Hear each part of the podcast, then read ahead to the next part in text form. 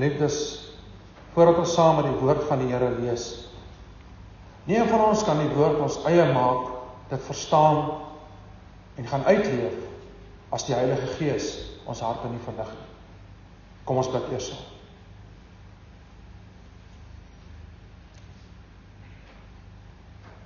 Ons almagtige drie-enige God. Majesteit, glansryke heerlikheid.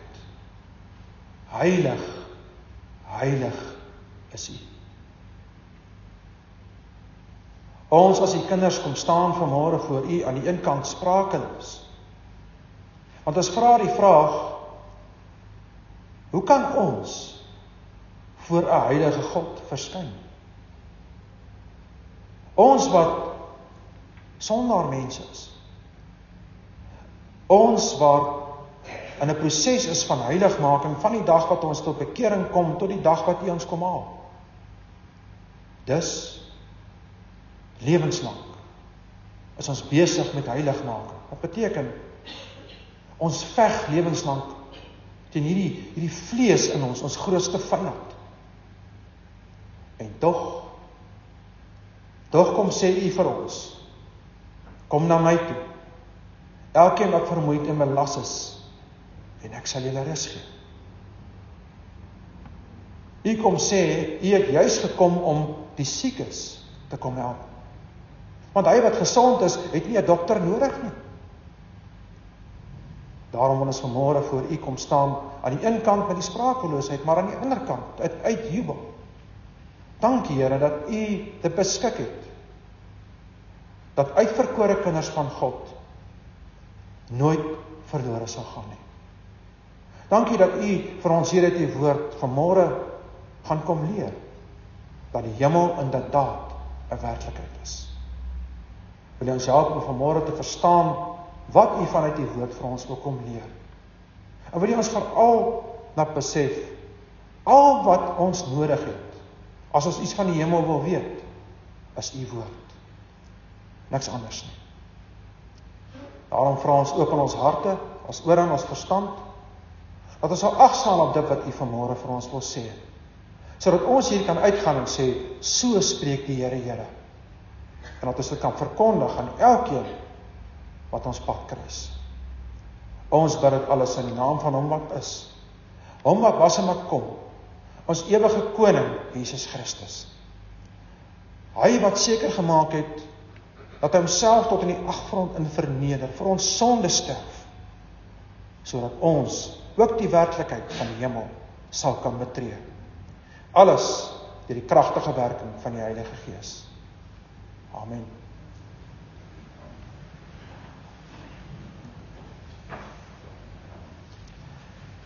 Geliefdes, ons skriflesing vanmôre vind ons vanuit Openbaring 21 vers 1 tot 8. Openbaring 21 vers 1 tot 8. En wanneer ons by die boek Openbaring kom, spits baie gelowiges se ore. Baie van ons het meer vrae as antwoorde. En tog geliefdes, moet jy een ding onthou van Openbaring.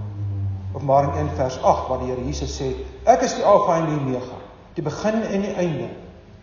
Wat is en wat was en wat kom, die Almagtige. Vir ons as gelowiges is Openbaring 'n troosboek. Vir ons as gelowiges maak Openbaring ons opgewonde. Maar natuurlik, vir die ongelowige is dit iets heeltemal anders. Die ongelowige moet bang wees vir die boek Openbaring. Kom ons kyk dan wat sê die Here vir ons hier. Want as u regtig sukkel met Openbaring, hierdie 8 verse is die klimaks van Openbaring. Ons lees daar van 'n vers die opskrif sê daar vir ons die nuwe hemel en die nuwe aarde. En ek het 'n nuwe hemel en 'n nuwe aarde gesien. Want die eerste hemel en die eerste aarde het verbygegaan. En die see was daar nie meer nie. En ek, Johannes, het die heilige stad, die nuwe Jerusalem, sien neerdaal van God uit die hemel. Toe berei soos 'n bruid wat vir haar man versier is. En ek het 'n groot stem uit die hemel hoor sê: "Kyk, die tabernakel van God is by die mense. En hy sal by hulle woon en hulle sal sy volk wees en God self sal by hulle wees as hulle God." En God sal al die trane van hulle oë afvee. En daar sal geen dood meer wees nie. Ook droefheid en geween en moeite sal daar nie meer wees nie. Want die eerste dinge het verbygegaan. En hy wat op die troon sit, het gesê: "Kyk, ek maak alles nuut." En hy het aan my gesê: "Skryf, want hierdie woorde is waaragtig en betroubaar." En hy het vir my gesê: "Dit is verby. Ek is die Alfa en die Omega, die begin en die einde." Die dorstige sal ek gee uit die fontein van die water van die lewe verniet. Hy wat oorwin, sal alles beerwe. En ek sal vir hom 'n God wees en hy sal vir my 'n seun wees. Maar wat die vreesagtiges aangaan en die ongelowiges en gruwelikes en moordenaars en horeerders en towenaars en afgodsdienaars en al die leenaars. Hulle deel is in die poel wat brand met vuur en swaal. Dit is die tweede dood. Tot sover is ons saam met die woord van die Here vanmôre. As teksverse kyk ons na verse 3 en 4 wat sê En ek het 'n groot stem uit die hemel hoor sê: Kyk, Die tabernakel van God is by die mense. En hy sal by hulle woon en hulle sal sy volk wees. En God self sal by hulle wees as hulle God. En God sal al die trane van hulle oë afvee. En daar sal geen dood meer wees nie. Ook droefheid en geween en moeite sal daar nie meer wees nie. Want die eerste dinge het verbygegaan.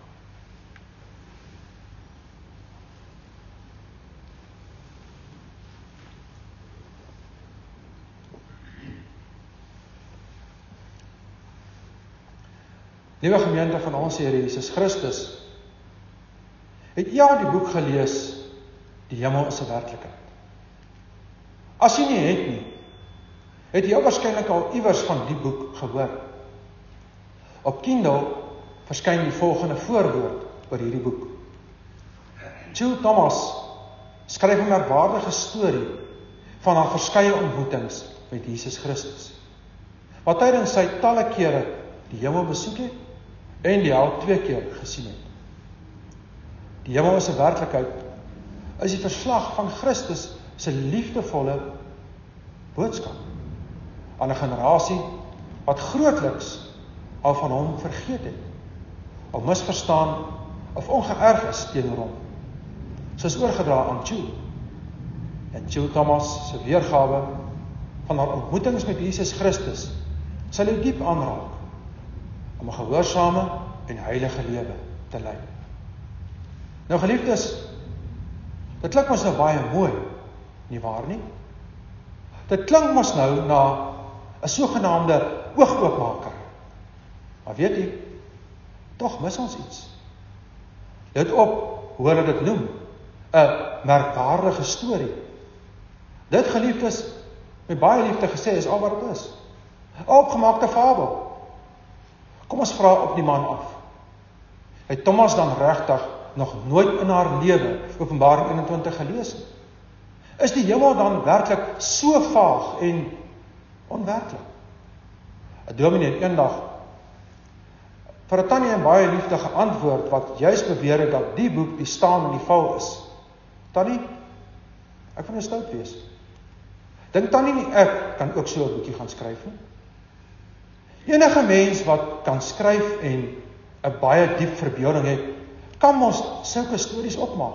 In 'n boek is al soos soetkoek verkoop. Juist daarom is hierdie nie die enigste boek op Kindle nie. Op Kindle is daar heelwat sulke boeke. Nee geliefdes.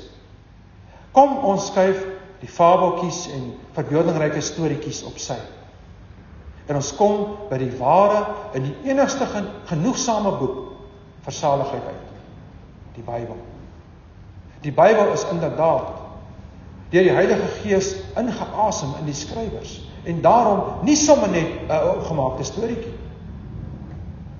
Alles wat ons sopas saam gelees het, moet mos selfs vir 'n klein kindjie die boodskap kristalhelder maak. Die Bybel leer ons die hemel is 'n werklikheid. Die vraag is nou, hoe? Hoe leer die Bybel ons die hemel is 'n werklikheid? Ten eerste, die hemel is 'n werklikheid omdat God self by ons sal woon. Nou geliefdes, voordat ons by ons geleesde gedeelte uitkom, kom ons stel uit die staanspoor 'n baie belangrike kernsaak reg.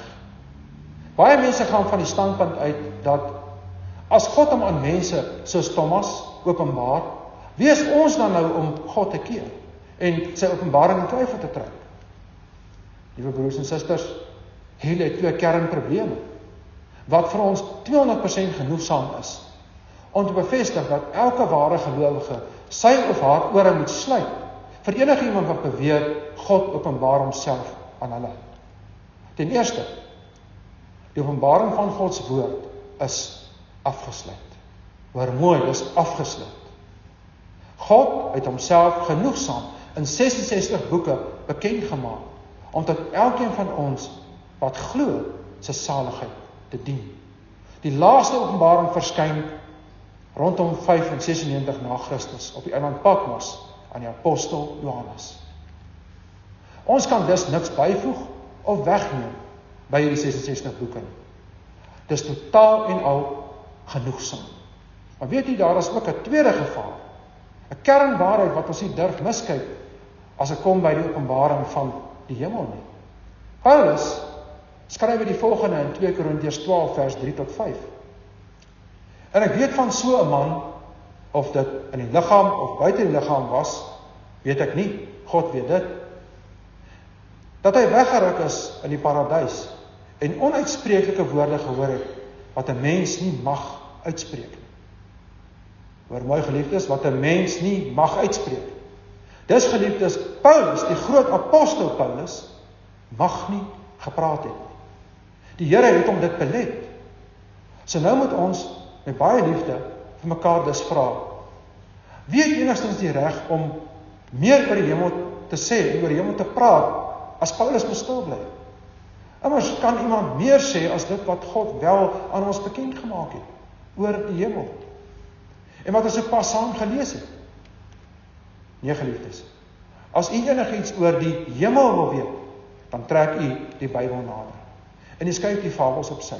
Trouwens, met baie liefde gesê, u as ware gelowige moenie eens boeke soos Joe Thomas se boek besit nie. Maar kan jy vra nou maar wat sê die Bybel dan vir ons oor die feit dat die hemel 'n werklikheid is? Kom ons stel net eers dat hierdie gedeelte wat ons saam gelees het geweldig swaar gelaai is met inligting. En is dis nie moontlik om in een preek alles deur te gaan wat ons hier lees nie. Dit word so duidelik en helder vir ons geskets en met soveel besonderhede. Ook moet u altyd onthou die Griekse woord vir openbaring beteken om die sluier te lig van iets wat bedek was. Jesus wou gehad het ons moes weet wat in die hemel aangaan. Hy het dit vir ons weggesteek nie. Ons begin deur met mekaar te sê Dis egter nie hier in Openbaring wat ons lees van 'n nuwe hemel en 'n nuwe aarde nie. Ons lees dit ook onder andere in Jesaja 65 waar Jesaja ook uitdruklik praat van die nuwe Jerusalem en die nuwe hemel en aarde. Ook 2 Petrus 2 Petrus 3 vers 12 en 13 staan baie duidelik. Julle wat die koms van die dag van God verwag en verhaas. Waardeur die hemele deur vuur sal vergaan en die elemente sal brand en versmelt. Maar ons verwag volgens sy belofte 'n nuwe hemel en 'n nuwe aarde waarin geregtigheid woon. Dus kom Openbaring 21 nie nou skielik hier met iets nuuts en vreemds nie. Maar kom brei slegs baie meer uit op dit wat ons wel van die hemel weet. Wanneer een ek in die hemel kom, gaan dit nie meer 'n geval wees van God daarbo en ons hieronder nie. God gaan self by een my woon. Net soos wat dit daar aan die tuin van Eden aan die begin was. Toe God letterlik met Adam en Eva gewandel het. U sal waarskynlik onthou Moses mag nie daar in Eksodus 33 die Here van aangesig tot aangesig gesien het nie. Hy mag ook nie bly leef het nie. Ja. As God hier in vers 3 van ons geleesde gedeelte stel, waarskynlik deur 'n engel wat uit die hemel dit roep as sy boodskapper, dat hy self by ons sal woon en ons sy mense sal wees, beteken dit dat niemand van ons nie God sal mag sien nie. Maar dat ons as ware hand aan hand met ons verlosser sal kan wandel en juis sal lewe sodat ons sy heerlikheid en alle glorie sal kan aanskou. Maar dit beteken nie net bloot een ek gaan God sien en met hom wandel nie. Ons sal ook almal God se mense wees. Dit beteken dat daar geen onderskeid tussen ons sal wees nie. Ons sal almal een in Christus wees. En omdat ons almal God se kinders sal wees, sal ons nie meer na die vlees kan of wil wandel nie, maar net na die gees.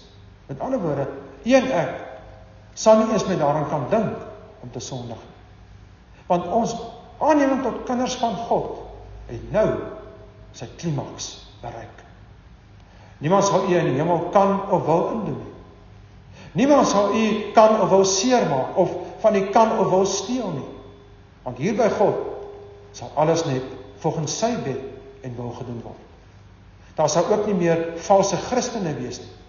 Geen valse kerke nie, geen ateëste of enige ander enige ander gelowe nie, net ware volgelinge van die Here Jesus Christus. Volknuus sal nie bestaan nie. Die woord sal nie eers geuiter word nie. Die liefde sal nooit vergaan nie. En daar sal nie meer iemand wees wat God kan of wil valslik uitbeeld nie. Want nie net sal God by ons woon in die hemel en ons sy mense wees en hy ons God nie. Maar ons sal volmaak saam met hom kan leef. Ten tweede die hemelse werklikheid omdat die ou dinge sal verbygaan. Maar geliefdes, nie weer die Bybel ons die hemelse werklikheid omdat God self by ons sal woon en ons sy mense sal wees. Die Bybel gaan selfs 'n stapie verder. Die ou dinge, dit is die sonde en alles daaraan verbonde, soos droefheid, trane en moeite, sal nie meer in die hemel enigstens bestaan nie. Trouwens, as ons na die eerste boek in die Bybel gaan kyk, die boek Genesis, merk ons op dat God aan die einde van sy skepping in Genesis 1 verklaar dat hy alles wat hy gemaak het gesien het en dit was baie goed. Dan lees ons in Genesis 2 van hoe die mens in die tuin gewandel het, volmaak was en die huwelik ingestel was soos wat God dit wou. Maar geliefdes, hierdie lewe wêreld, die lewe wêreld van volmaakte sondeloosheid ken een ek glad nie. Ons ken net die lewe wêreld van die volgende hoofstuk Genesis 3 waar die sondeval plaasgevind en die aarde deur die mense toedoen onder andersing van die duiwel vervloek is. Maar liewe broers en susters, As ons die hele Bybel mooi gaan bestudeer, is daar een goue draad wat reg deurloop. 'n Boodskap wat sentraal staan vanaf Genesis 3 tot by Openbaring 22. Hierdie bose wêreld met sy droefheid, sy sonde en sy moeite is aan die verbygaan. Kom ons wees baie eerlik. Enige mens wat iets van die lyding hier op aarde verstaan, wat iets besef van die die moeite, die droefheid en die trane wat die sondeval meegebring het, sal moet erken. Dit kan tog nie hier stop nie. Daar moet eenvoudig iets meer wees, iets beters. En dan kom hier Openbaring 21 ons juis so pragtig. Die eerste dinge het verbygegaan. Dis inderdaad. Daar is iets meer. Een ek. Gaan soos ons teks dit verder so pragtig vir ons onbetwisbaar stel. Drink uit die fontein van lewende water. Verniet. Ons gaan nie meer honger en dors na geregtigheid wees nie. Maar juis nooit weer honger of dors word. Trouwens. Ons sal nie eens meer dink aan die vorige ou wêreld wat met sonde belaaid was nie. Want ons sal dood eenvoudig so oorloop van vreugde, saligheid en geluk dat ons nie eens sal wil terugdink of in staat sal wees om te onthou wat 'n sonde of hoe erg die droefheid van die wêreld was nie. Die gedeelte in vers 2 stel dat die see nie meer sal bestaan nie, verdien aandag. Dit het 'n dubbele betekenis. Ja, dit kan dui op 'n letterlike bedoeling dat die see nie deel van die nuwe hemel en die nuwe aarde sal wees nie. Maar dit sluit glad nie die moontlikheid uit dat ons wel water in die hemel sal hê en op die nuwe aarde nie. Simbolies egter het die see 'n baie dieper betekenis. In die Bybel is die see gewoonlik die simbool van boosheid, sonde en die dood. Wanneer Johannes dus onder leiding van die Heilige Gees hier vir ons kom skryf dat die see nie meer daar sal wees nie, impliseer dit dat daar geen boosheid, geen sonde of geen dood meer sal wees nie. Net die volmaakte ewige lewe.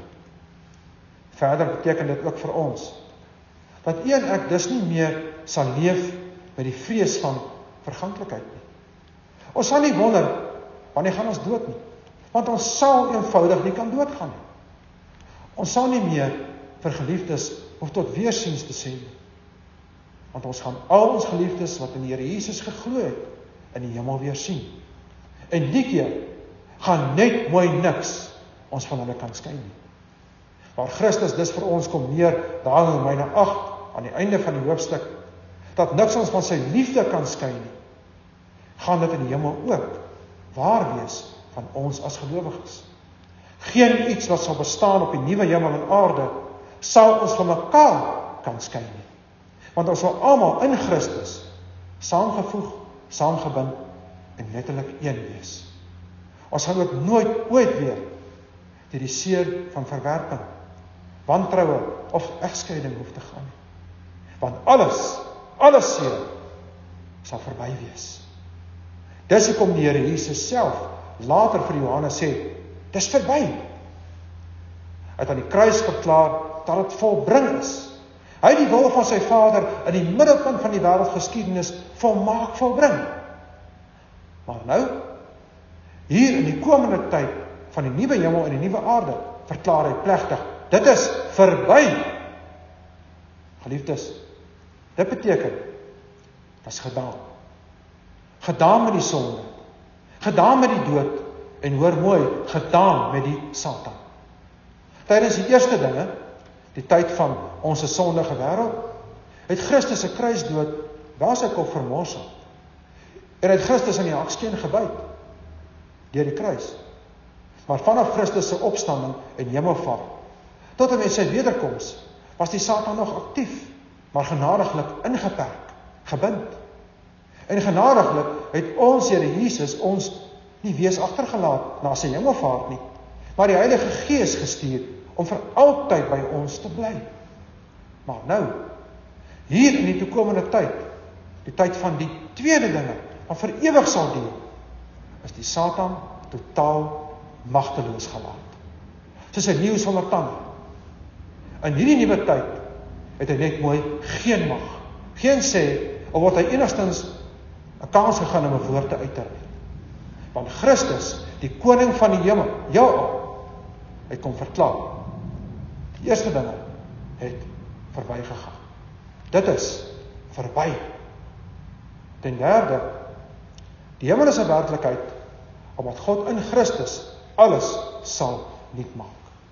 Maar geliefdes, nie net is die hemel 'n werklikheid omdat God self by ons kom bly, ons sy mense is en die ou dinge sal verbygaan. Dit sal immers nie genoeg wees as God by ons bly. Die ou dinge gaan verby, maar daar kom niks nuuts in hierdie ou dinge se plek nie. Dit is dan juis wat ons Here Jesus ons derdens kom leer. Die hemel is ook 'n werklikheid omdat hy alles sal nuut maak. Het opgeliefdes, hierdie belofte hang nie deur iewers vaag in die lug nie. Die Here Jesus kom sê nie hier vir ons hy gaan dit oorweeg of uh, hy sal maar sien of uh, miskien eendag gaan hy alles nuut maak nie. Nee. Hy kom stel dit kort en kragtig. Kyk, ek maak alles nuut. Nou geliefdes, alles beteken alles. Die aarde, die hemel, ja, ook die uitverkore kinders van God. Dink net. U sê tog nie kom verklaar dat u van die skuld en sonde bevry is, maar dat u nooit nuut gemaak gaan word nie. Dit klop nooit eenvoudig nie. In die gereformeerde leer het ons 'n pragtige benaming vir wat Jesus Christus met u en my reeds begin doen het en wat hy eendag by ons heen gaan in die hemel sal vervolmaak. Hy kom maak u en my 'n nuwe skepping.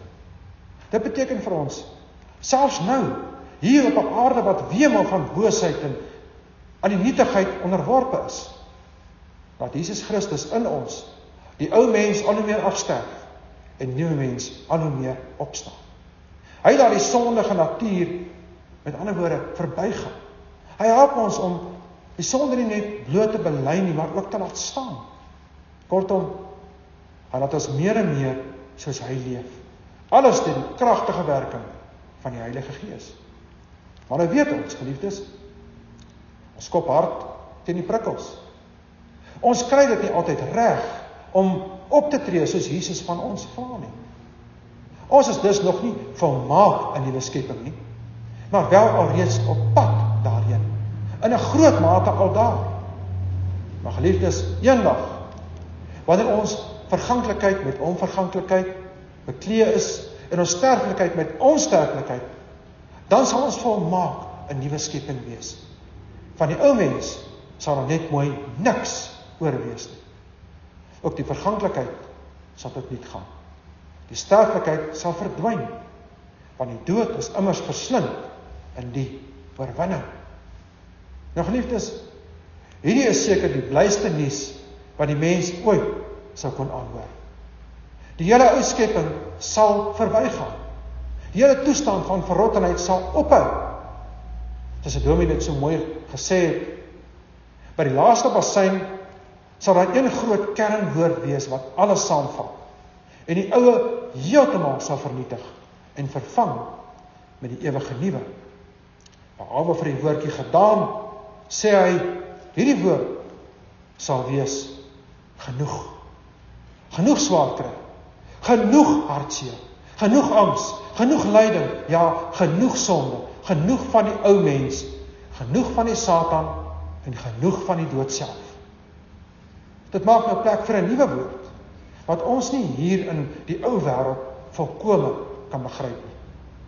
Hierdie is so kort woord, maar hy is so kragtig. Saligheid. Die naaste wat ons seker daaraan kan kom in ons gebrekkige verstaan daarvan is iets tussen om vir ewig verlos te wees van ellende en vir ewig bloot te gestel word aan ewige geluk. Dit is soos om weer die leefwêreld van Genesis 2 te betree waar alles volmaak was en God met die mens letterlik saamgewandel het. Dit is presies wat gaan gebeur. Maar geliefdes, nou nou moet ons vir mekaar vra maar hoe op aarde kon God hierdie onbetwisbare werklikheid van die hemel. Hierdie beloftes dat hy self by ons sal bly. Die oues sal verbygaan en Christus alles nuut sal maak. Bewaarheid. Dit kon nog nie net iewers uit die dag uit geval het nie. Geliefdes, hy is reg. Dink so daaraan. Dat dit God niks gekos om die wêreld, die mensdom, die engele en al die diere te skaap nie. Dit was vir hom 'n geval van hy spreek net en dit was. Maar dat dit hom sy seun se lewe gekos om een siel te red. Hoor mooi, dat dit God niks gekos om die wêreld te skaap en alles daarin verbonde nie. Mensdom, dierryk, alles. Dat dit hom sy seun se lewe gekos om een siel te red. Jesus Christus het van ewigheid af geweet wat op hom wag. Hy sou nie hierdie keer bloot net kon spreek en dit was net nie. Hy sou as mens na die aarde moes kom. Sy lewe lank homself tot aan die afgrond in toe verneder en op die ou end so laag daal soos die graf. Om soos 'n koringkorrel in die grond te val en te sterf. Ja, hy sou moes ervaar wat elkeen van ons eintlik moes ervaar het in die hel. Hy sê ons uitroep: "My God, my God, waarom het U my verlaat?" Nie van ons kan ons dit voorstel nie. Dis klaar so uitdagend met God. Kan u dink hoe absoluut verrot en totaal hopeloos is alles sonder God? Hier hang hy. Heeltemal alleen. Tussen hemel en aarde aan 'n kruising vasgespijker. Die pyn skiet deur sy hele lyf. Hy versmoor letterlik. Sy posisie word al hoe meer ondraaglik van sy hoof wat op sy bors druk. Uiteindelik versaak sy hart en hy blaas die laaste asem uit en hy sterf. Geliefdes, wie nie hier wil uitbars in trane en nooit wil ophou nie, verkeer in 'n baie ernstige krisis. Besef nie eens ten dele wat Jesus Christus werklik vir hom deurgemaak het. Hierdie daad, naamlik om eers homself ook deelagtig te maak aan die wêreld se smart, pyn, lyding en uiteindelik die dood self. So asof hy 'n geharde sondaar was, moes ons Here Jesus eers uitvoer alvorens hy enigstens in staat sou wees om die hele skepping te kon nuut maak. Ja, ook die uitverkorenes wat aan hom glo. Daarom geliefdes, moet ons op hierdie punt 'n derde gevaar van Chill Thomas se fabels kom uitwys. Jy het gehoor hulle sê sy was twee keer in die hel. Nou dink jy eerlikwaar met alle eerlikheid en die minste logika. Dat ons liefdevolle God wat sy eie seun deur hierdie helse smarte gesit het in ons plek dit enigstens oor sy hart sou kon kry om vir 'n gelowige wat hy gered het die hele volgende die volgende oomblik die hel in al sy verskrikking te gaan wys. Klop dit. Klop dit om vir 'n rukkie 'n gelowige dit te laat smaak wat Jesus moes ervaar. Totale godsverlatenheid. Nee geliefdes. Die God wat ons dien, wou sy kinders juis hierdie verskriklike lyding en angswekkende belewennisse spaar. Trouwens, hierdie straf deur ons geleesde gedeelte ons soos die hele Bybel gaan net deur die goddeloses in sy volheid ervaar word. Want jy sien geliefdes, Die Bybel sal u dalk soms seermaak met die waarheid. Maar dit sal u nooit troos met 'n leuen nie. Hoor mooi. Die Bybel sal u dalk soms seermaak met die waarheid, maar dit sal u nooit troos met 'n leuen nie. Die wat in die sonde volhard, sal ewige straf ontvang. Ons verstaan die volhardende egbreekers, moordenaars en so meer. Maar die vleesagtiges verdien aandag. Wat bedoel Jesus hier? Beslis nie dat mense wat angsbevange is en die ewige lewe sal erwe nie. Nee. Ons weet mos dat angs bloot 'n swakheid is en nie 'n sonde nie. Die Griekse woord wat met vreesagtig vertaal is, kan ook vertaal word as sielafhartig is, wat eintlik 'n beter vertaling in hierdie geval sou wees. Wat Jesus dus hier bedoel is, mense wat nie kan vas staan in hul geloof nie, soos die sogenaamde prysenswaardige twyfelaars wat afhartig sê dis beter om te twyfel aan jou saligheid as om seker te wees daarvan want as jy nou seker is dan is jy arrogant. Hierdie mense sal nie die koninkryk van die hemele beerwe nie. Want jy sien twyfel ek is ek nie net afhartig nie dan moet daar ook iets bykom. Christus se genade is skynbaar nie genoeg om my te red nie. Nou klou ek maar krampagtig aan my ons sal maar siens vas Maar geliefdes, die Bybel troos hier ook gelukkig met die waarheid. As jy waarlike gelowige is, want ons God is regverdig en liefdevol. Daarom bely ons in die nagmaalsformulier wat u nou die Sondag aangehoor het. Hy het van God verlate geword sodat nie een van ons ooit deur God verlaat sou word nie. Josua 1 vers 5. Ek sal jou nooit begewe en jou nooit verlaat. Christus sou op geen manier denkbaar al hierdie helse smarte en God se verlatenheid self ervaar.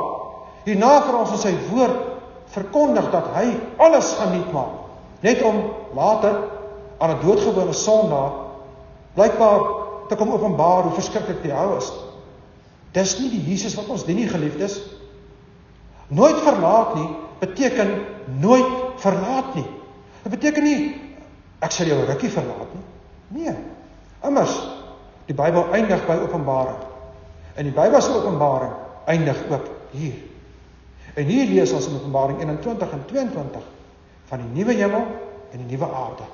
Die belofte dat God alles sal nuut maak in Christus. Ja, ook vir u en my. Hiervan kan u en ek dus 100% seker wees en hieraan kan u en ek onbetwisbaar vashou. Niemand is arrogant wat seker is van sy saligheid nie. Want Christus se genade is vir ons genoeg. Liewe gemeente, wat het ons vandag hier geleer? Ons het mekaar gesê die hemel is inderdaad sonder twyfel 'n werklikheid. Maar nie omdat Chu Thomas so sê nie. Die eenvoudige waarheid is die Bybel leer ons die hemel is 'n werklikheid. As 'n generasie dus van Christus vergeet het, moet ons hulle na die Bybel toe neem. Want het ons gesê God self kom by ons bly. Die ou dinge sal verbygaan en Christus sal alles nuut maak. Hierdie verklaring van die Bybel is meer as genoegsaam.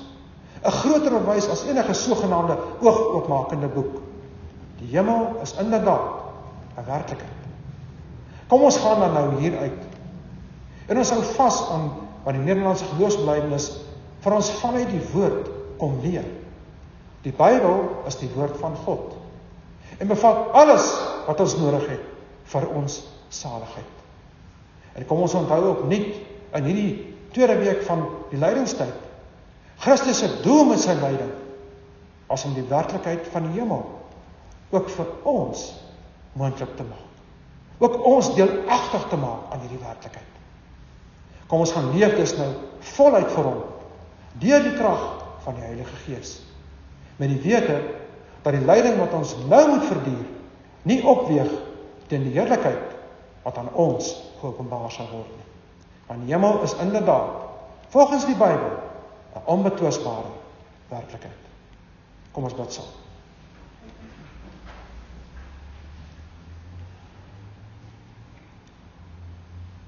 Ons almagtige drie enige God. Ons dank U Here vir die wonderlike voorreg wat ons vanmôre kon gehad het. Om vanmôre iets te smaak van die ewigheid wat aan die kom is om vanmôre ons beperkte verstand en begrip te kon inspann en iets te kon beleef van wat U vir ons as gelowiges gereed maak. Help ons Here om vas te hou aan hierdie belofte. Nooit hieroor te twyfel. Want U genade is vir ons genoeg. U het alles gedoen wat ons kan help om te kom waar U is. Dankie Here dat ons vanmôre kon hoor Die ou dinge sal verbygaan. Ons gaan nie vir ewig hierdie droefheid en smart van die aarde beleef nie. Ons gaan nie vir ewig moet tot weer sien sê vir geliefdes wat siek was. Daar gaan 'n tyd kom wanneer selfs die Satan geen mag meer sal hê nie. Daar gaan 'n tyd kom wat u elkeen van ons se trane sal afdroog. Waar u elkeen van ons wat ook so graag nuut wil wees en glad nie wil sondig nie, inderdaad nuut sal maak. Ons dank U uit die diepte van ons harte daarvoor. Daarom pleit ons ook help ons om in die tyd wat ons nog hier onder op die aarde is vas te staan in u geloof. Vas te staan in u. 'n gewisse kennis en 'n vaste vertroue ons geloof. Help ons ook Here om die sonde te bely en te laat staan. Help ons deur die kragtige werking van die Gees om die ou mens al hoe meer te laat afsterf en die nuwe mens al hoe meer te laat opstaan. Help ons om te doen wat U vir ons hier op aarde kom vra om te doen. Die enigste doel om U te verheerlik. En ons wil ook bid vir lidmaatgetalle in die ware Christen kerke hier in Suid-Afrika. Wil U gee dat daardie kerke sal groei en meer mense aan daardie gemeentes toe sal kom. U weet Here dat daar baie valse kerke ook in ons land is. U weet dat reg oor die wêreld is daar baie valse kerke. Daarom bid ons spesifiek dat U die ware kerke, en dis nie net die AP kerk nie, maar die ware Christelike kerke sal vergroot. Dat mense weer opnuut sal kan besef U is die koning. Aan U behoort die heerlikheid tot in alle ewigheid. Ons bid ook Here dat U deur U Heilige Gees manne sal oproep om in die AP Kerk die woord te kom verkondig. Ons weet Here dat ons van die begin af 'n probleem gehad het. Baie gemeentes min dominees. Daarom pleit ons dat U ons sal help met hierdie krisis waarin ons verkeer. Ons bid ook vir die uitbreiding en herstel van die ring van Benoni. Ons broers help hulle Here om te doen wat U van hulle vra.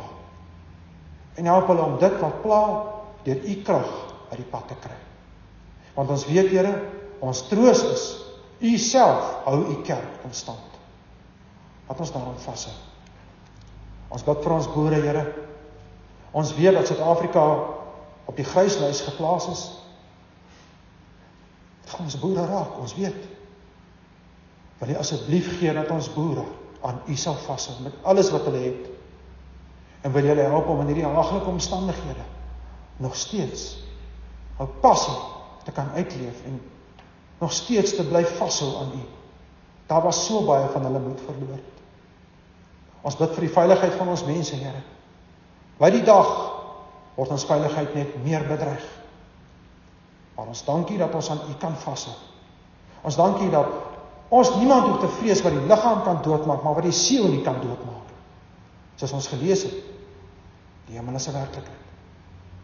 Ons dink aan ons gemeentelede Here wat siek is, wat swaar kry. Hulle met wie dit nie goed gaan nie. Ons dink aan die feit Here dat ons so groot pastorale nood hier het. En daarom pleit ons dat U as dit U wil is twee dinge sal verander in ons gemeente. Die pos van Here moenie meer sê vakant nie. Die sieke kommissie moenie meer sê vakant nie. Help ons Here om dit reg te kry want ons weet ons ons is swak en ons probeer ons bes. Ons pleit dat U ons sal help daarmee. Dat U met elke sieke sal gaan. Dat U hulle sal vertroos in U liefde en U getrouheid en U sorg. Ons dink ook aan byvoorbeeld broer Teens wat deur 'n moeilike tyd gaan, Here. Wil U hom help om sterk te staan in U? Wil U hom help om alles aan U oor te gee. En wil jy hom ook bewus maak daarvan, soos van al die siekes dat U 'n bewaarder en 'n regter is. Hou skade wie wat nooit van hom wyk nie. 'n Bewaarder wat nie slemmer op slaap nie. As dink ook aan broer Andrei wat regtig 'n moeilike taak het. Nie net as voorsitter nie, maar ook in sy beroep. Wil jy hom help, Here, om altyd U wil uit te leef. Wil jy hom versterk in alles wat hy doen? en wil U ook ons kerkraad help om U te verheerlik. Ons dink ook Here aan Suster Bianca wat binnekort 'n nuwe werk gaan kry. Dankie dat U haar die geleentheid gegee het om by die kwekery te kon werk. Dankie dat U haar weer 'n geleentheid gegee het om 'n werk te kon kry toe die kwekery skuif. En dankie Here dat sy 'n voorbeeld vir so baie van ons jong mense is wil jy haar help en versterk om al die uitdagings wat die nuwe werk mag bied te kan oorkom. Alles deur u krag van u Heilige Gees. Ons bid al hierdie dinge nie omdat ons enigstens dit verdien nie, maar alleen omdat u ons genadig is. En u genade groter is as onbeskryflik groot. In die naam van ons Here Jesus Christus, ons redder, ons verlosser, hy wat alles sal kom nuut maak en hy wat ons nou reeds in hom aangeneem as sy kinders. Alles deur die kragtige werking van die Heilige Gees. Amen.